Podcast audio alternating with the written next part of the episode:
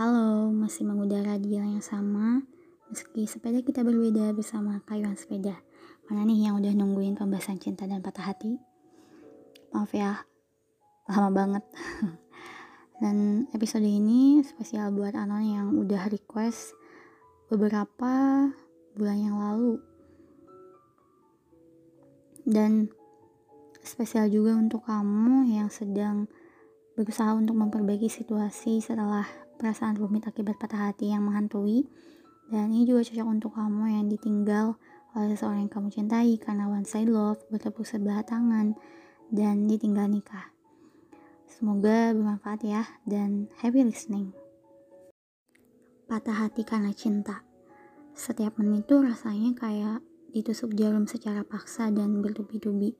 Begitulah mungkin kira-kira gambarannya atau mungkin teman-teman di sini punya penggambaran yang lebih menyakitkan. Tolong tulis di kolom komentar ya. Bercanda. Dan ya perasaan jebakan ini tuh buruknya. Bisa menghalangi kita untuk bahagia dan menemukan tujuan untuk maju ke tahap berikutnya loh.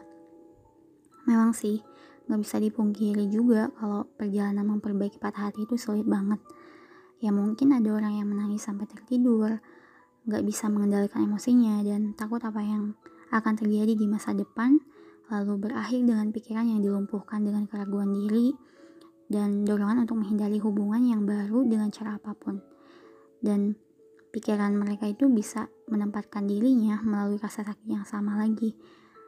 Trauma, begitulah kira-kira satu kata yang bisa menggambarkannya.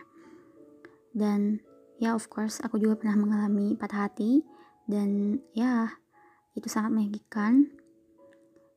Kecewa juga karena ya tentu aku ini manusia biasa. Tapi aku ngerasa bisa ngambil hikmah dari beberapa kejadian yang bikin aku patah hati. Yang pertama uh, aku bisa mengambil hikmah kalau aku belajar melupakan hal-hal indah karena aku pikir hal-hal indah itu sifatnya sementara. Kemudian kejadian kedua karena patah hati itu aku belajar pada diriku ternyata aku tuh lebih tidak produktif karena terus menerus memikirkan seseorang yang aku sukai. Dan yang ketiga, ini adalah pengalaman yang gimana ya menggambarkannya itu sesak tapi ngakak karena ya aku ditinggal nikah aku mengambil hikmah bahwa sebetulnya nggak ada kata jika di dunia ini. Kalau udah terjadi ya akan terjadi dan itu sudah ditakdirkan gitu. Aku ditakdirkan untuk patah hati dan seseorang yang aku sukai itu ditakdirkan untuk menikah. Kira-kira kayak gitu sih. Tapi alhamdulillah selama beberapa tahun terakhir aku udah belajar bagaimana menjadi cerdas secara emosional. Dan ini melibatkan penerapan empati dibandingkan rasa kebencian. Dan pada ini aku lebih fokus kepada bagaimana sekarang aku melihat dunia. Ini. Dan aku juga mulai merenungi dan memahami dari sisi psikologi alih-alih mempertanyakan kenapa sih orang bersikap negatif, aku pelan-pelan memutuskan untuk mencoba memahami situasi mereka untuk mendapatkan lebih banyak konteks, karena pada akhirnya menjadi cerdas secara emosional itu akan menghasilkan keajaiban kepada hidup kita. Selain itu juga akan menghasilkan kebahagiaan dan kesejahteraan emosional secara keseluruhan. Maka izinkan aku menunjukkan kepada teman-teman sompi di luar sana apa yang telah aku pelajari tentang memperbaiki patah hati dan pola pikir yang diperlukan untuk bergerak maju dalam kehidupan. karena aku yakin saat kalian mengklik podcast ini, pasti karena suatu alasan. Kalian pasti ingin memperbaiki patah hati dan belajar bagaimana mengatasi keraguan diri yang negatif ketika semuanya tampak hilang. Dan semoga kamu bisa mengambil beberapa nasihat berguna yang akan mengubah pandanganmu dan menjalani kehidupan yang bermakna. Dan ya tentu saja aku juga meragukan kalau podcast yang aku rilis ini tuh nggak bisa langsung bikin kamu cepat move on gitu Tapi aku berusaha menenangkan kamu lewat podcast ini dan berusaha merasionalkan kembali pikiranmu dan mengajak logikamu untuk lurus kembali dan mudah-mudahan kamu lebih tenang dan kuat setelahnya. Dan insya Allah perlahan-lahan bisa menyembuhkan luka itu karena inilah caraku menyembuhkan luka bersama waktu. Well, bismillah, nasihat pertama yang akan kamu dengar dariku adalah nasihat klasik dan mungkin kamu tidak langsung mau menerimanya gitu. Dan pasti penasaran kan? Nasihat pertama adalah sabar. Betapapun lama kamu berpikir bahwa oh ini aku bismillah bisa sembuh tapi itu aku rasa akan memakan waktu untuk lebih lama karena proses untuk menyembuhkan luka patah hati itu setiap orang berbeda-beda karena kita nggak tahu seberapa dalam perasaan seseorang mencintai seseorang yang meninggalkan mereka. Nah, maka hal pertama adalah sabar, pelan-pelan kita sembuhin dan jangan terburu-buru. Oke? Okay? Yang kedua, hilangkan rangsangan yang membuat kamu terjebak pada kenangan seseorang itu. Dan ini dimulai dari diri kamu. Sini, aku kasih tahu satu rahasia. Bahwa kesadaran diri adalah kunci untuk pulih ketika seluruh dunia merasa menentang dan mengabaikanmu.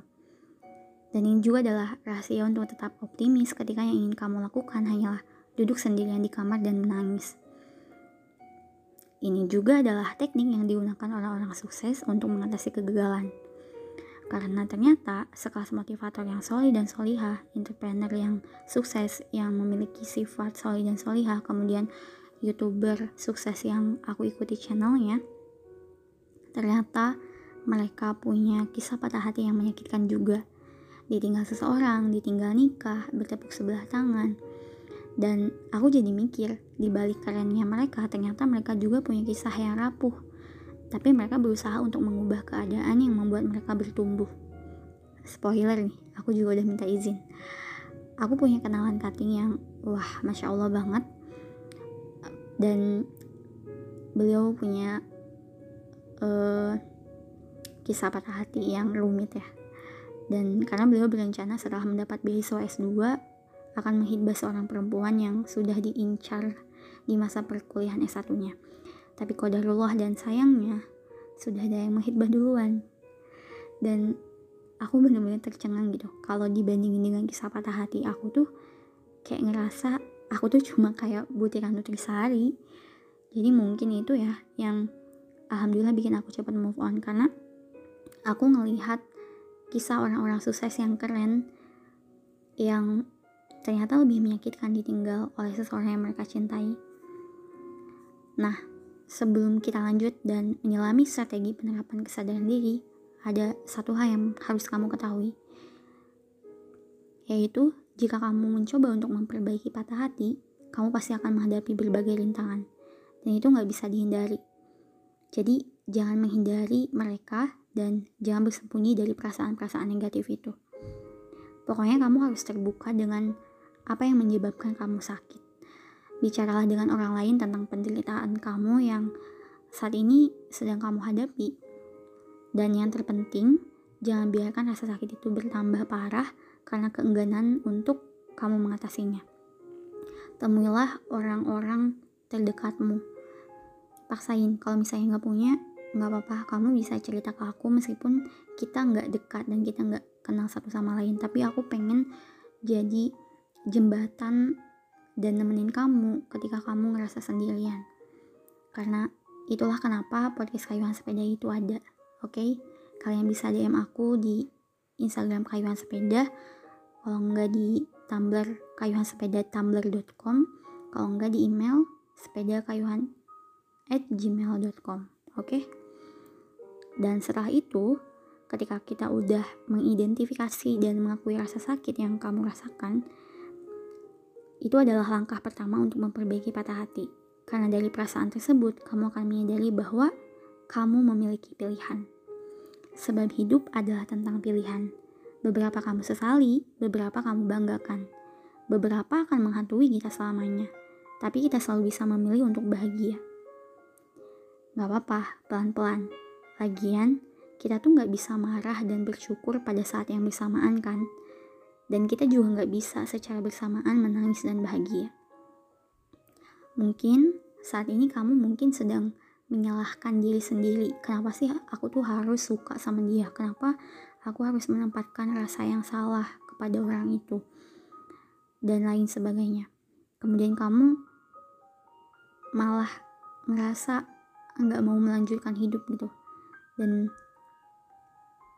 ya tidak bisa memilih untuk bahagia ingat ya kita itu adalah apa yang kita pilih dan ingat ini juga mencintai orang yang tidak mencintai kita itu bukan kesalahan tapi sebuah pelajaran nah selanjutnya setelah kamu memilih untuk bahagia dan kamu memilih untuk lepas dari keadaan sesakmu dan menjadi lebih mudah untuk mendapatkan rasa kontrol dan kejelasan. Setelah itu, kamu pasti akan mendapat hikmah, yakin deh. Kamu juga akan memiliki kemampuan untuk mendapatkan kesadaran tentang apa yang sebenarnya ingin kamu lakukan, dan kamu akan menciptakan langkah untuk menjemputnya.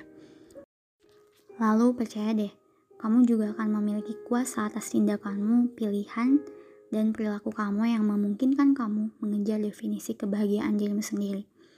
Dan kamu akan mulai menyadari bahwa begitu kamu memberi diri kamu kendali penuh atas masa depan kamu, kamu akan memiliki arah yang jelas dari perjalanan yang ingin kamu mimpikan. Maka hal itu juga yang alhamdulillah membantuku untuk lebih cepat move on. Karena aku selalu bertanya pada diriku, seberapa berharga dan seberapa penting sih seseorang yang sudah ninggalin kamu dibanding mimpi-mimpimu.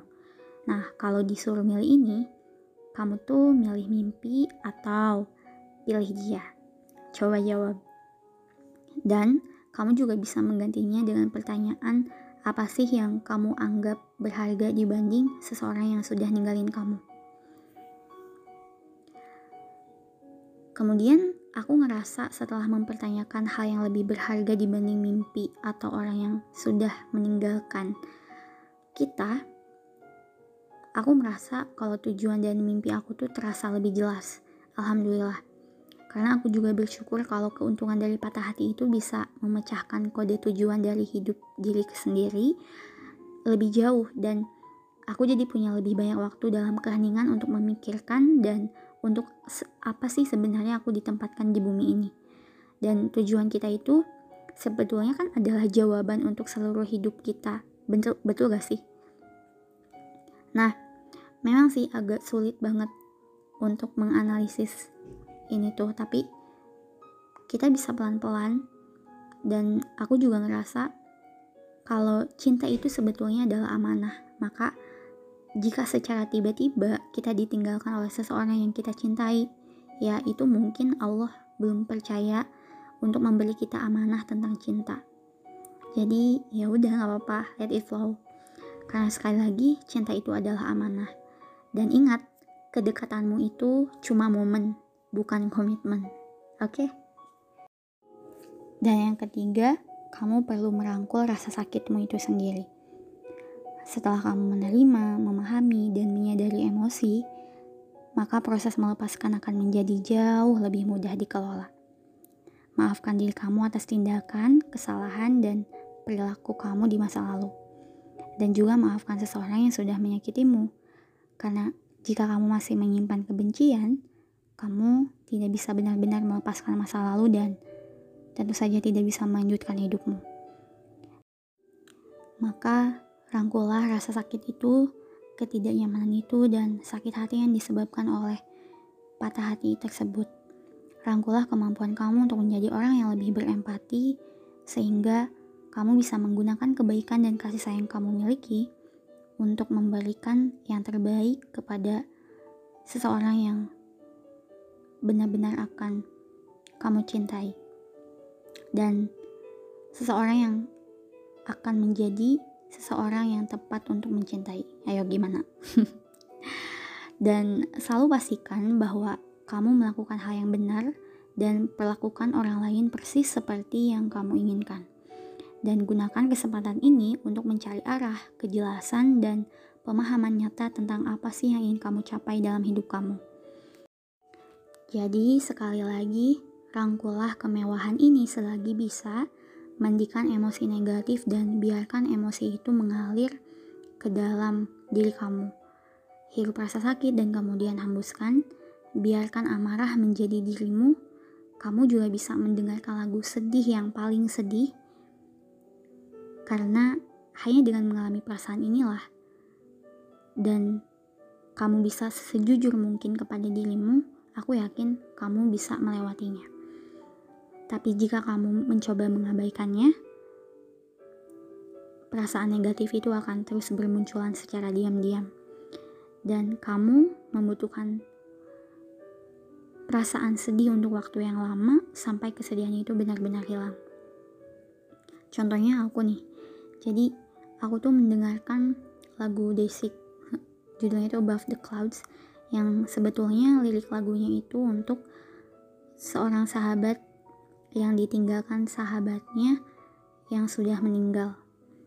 Nah, tapi aku menguniversalkan lagu ini dan aku menganggap ketika aku patah hati, sebetulnya aku tuh ditinggalkan oleh orang yang sudah meninggal. Jadi, ya aku nggak terlalu sakit hati dan terlalu kecewa-kecewa amat gitu.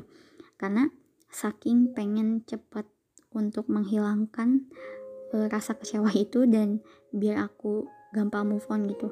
Dan ya meskipun nggak ada sinkronisasi dengan situasi yang sebenarnya aku sedang hadapi tapi ya karena aku pengen cepat bisa move on ya jadinya aku menganggap uh, apa ya sebuah kelucuan aja gitu.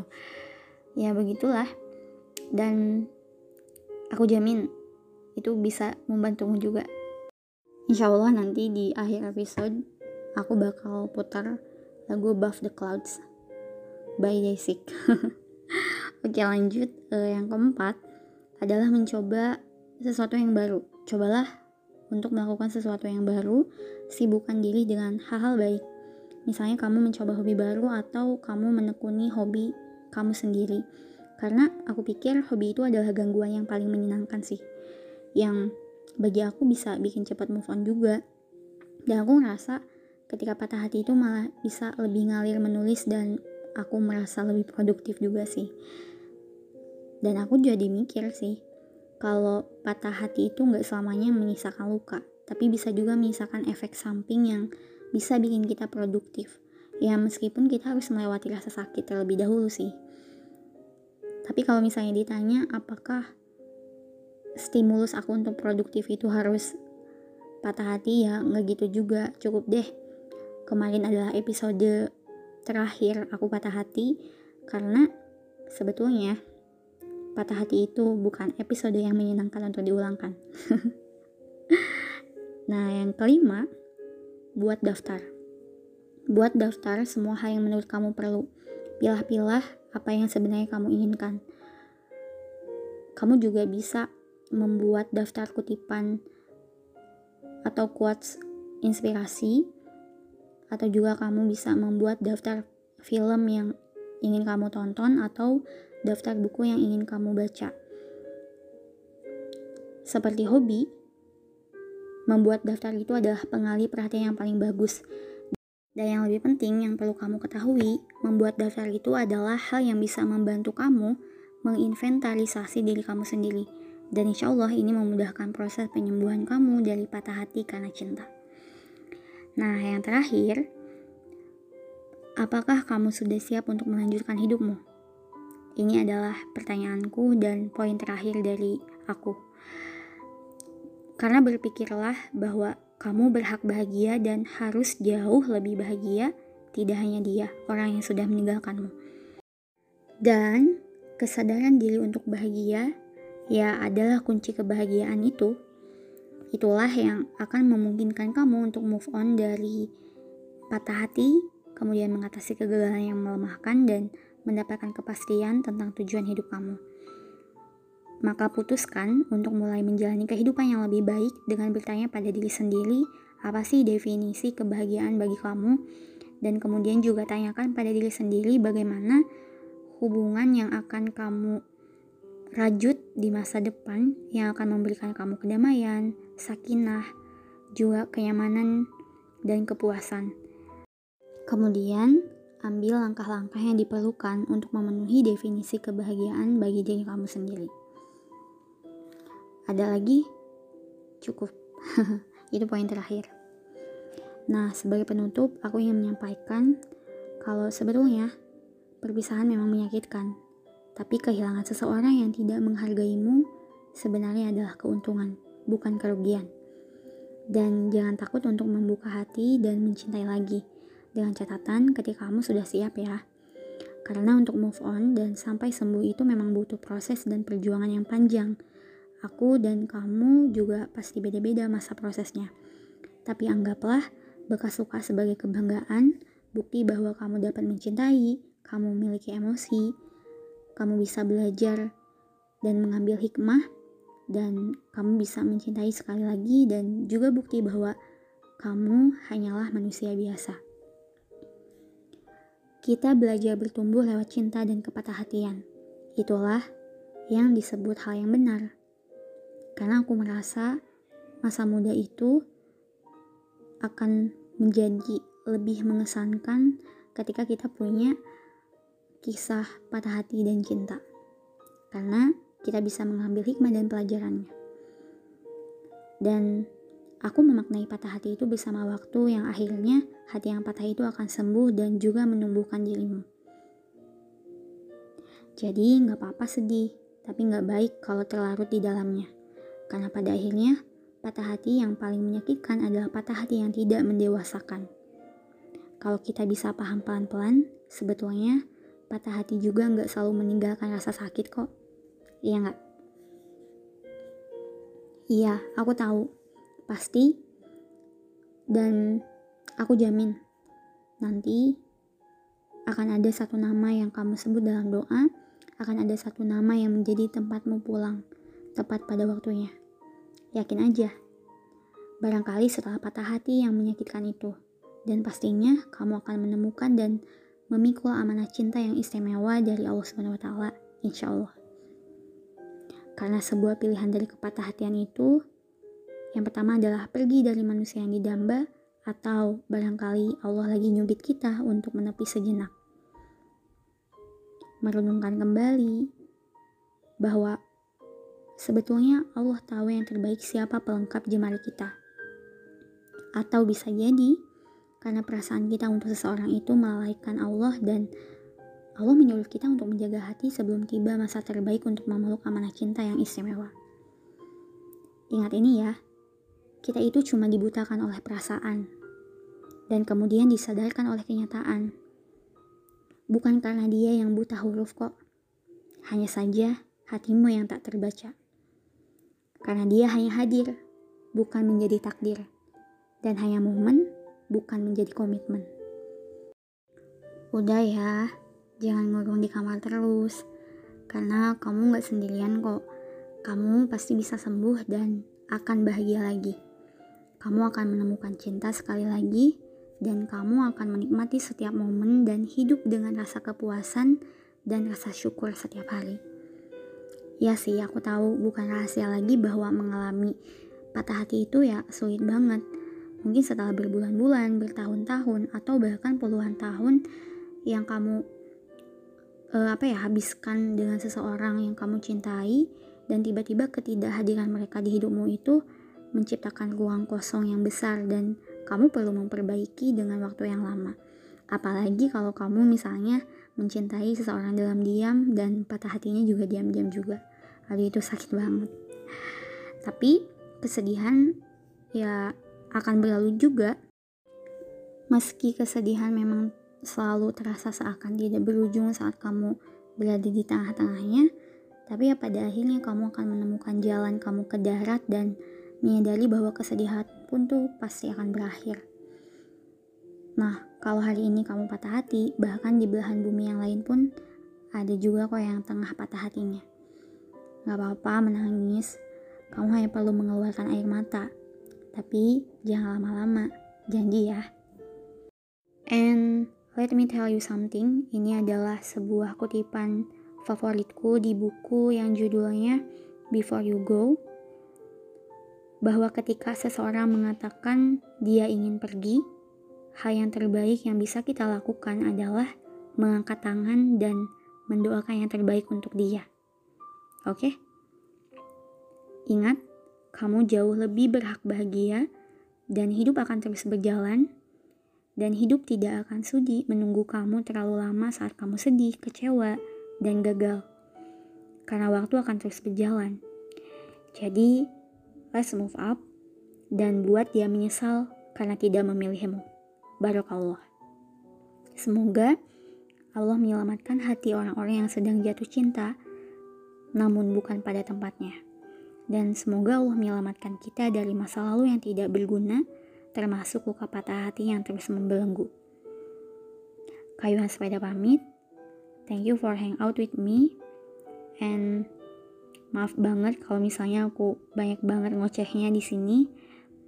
Hopefully this episode can bring you to relief and promise me that you have to move up after listening my podcast.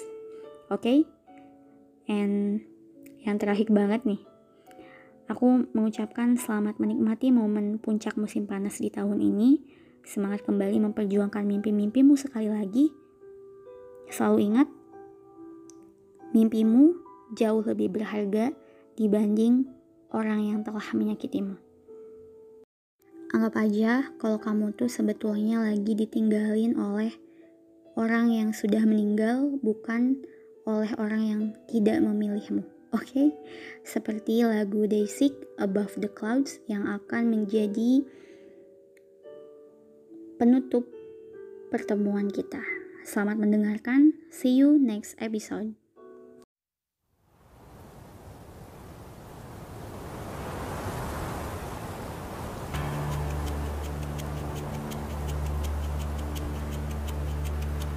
어젯밤 꿈에 나타난